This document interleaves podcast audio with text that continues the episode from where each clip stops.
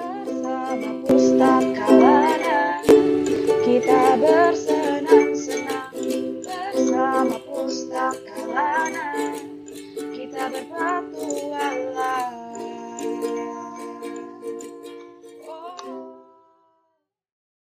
Halo pemustaka Lana Cilik. Kembali lagi di Berkelana ber- di dunia pustaka. Aku Kak Zaza. Aku Kavira dan aku Kavi, Hari ini kita akan membacakan buku yang berjudul Dorothy and Mikey, karya Keiko Kaza. Sekarang kita baca versi bahasa Inggrisnya ya. The Knight and the Princess. Dorothy and Mikey are both best friends, well, most of the time. One day they read a book called The Knight and the Princess. Let's play. I'll be the knight and you be the princess. Great!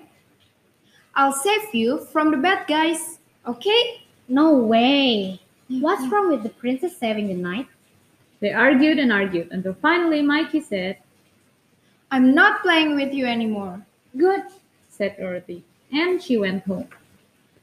Mikey was determined to have fun all by himself.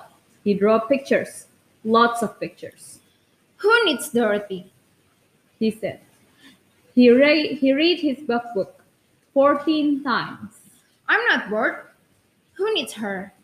Then he got an idea. I'll show that Dorothy I can play knight and the princess all by myself. Night Mikey announced to all the people in the kingdom.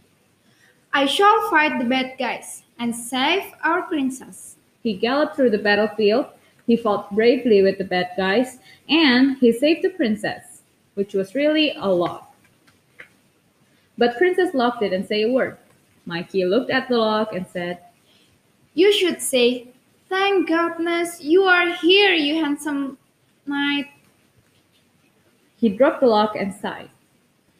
That's what Dorothy would say. No, I wouldn't. Yelled a voice from behind the bush, I would say, what took you so long? and it was Dorothy, dressed like a princess. Dorothy, am I glad to see you? No, Mikey. I am glad to see you. Playing along was so boring. The rest of the day, they took turns saving each other from the bad guys. Then Knight Mikey and Princess Dorothy galloped back to the kingdom together and played happily ever after. Well, most of the time. Yay, ceritanya selesai. Nah, sekarang kita bahas yuk kira-kira apa ya hubungan cerita tadi dengan tema kita kali ini yaitu tema persahabatan.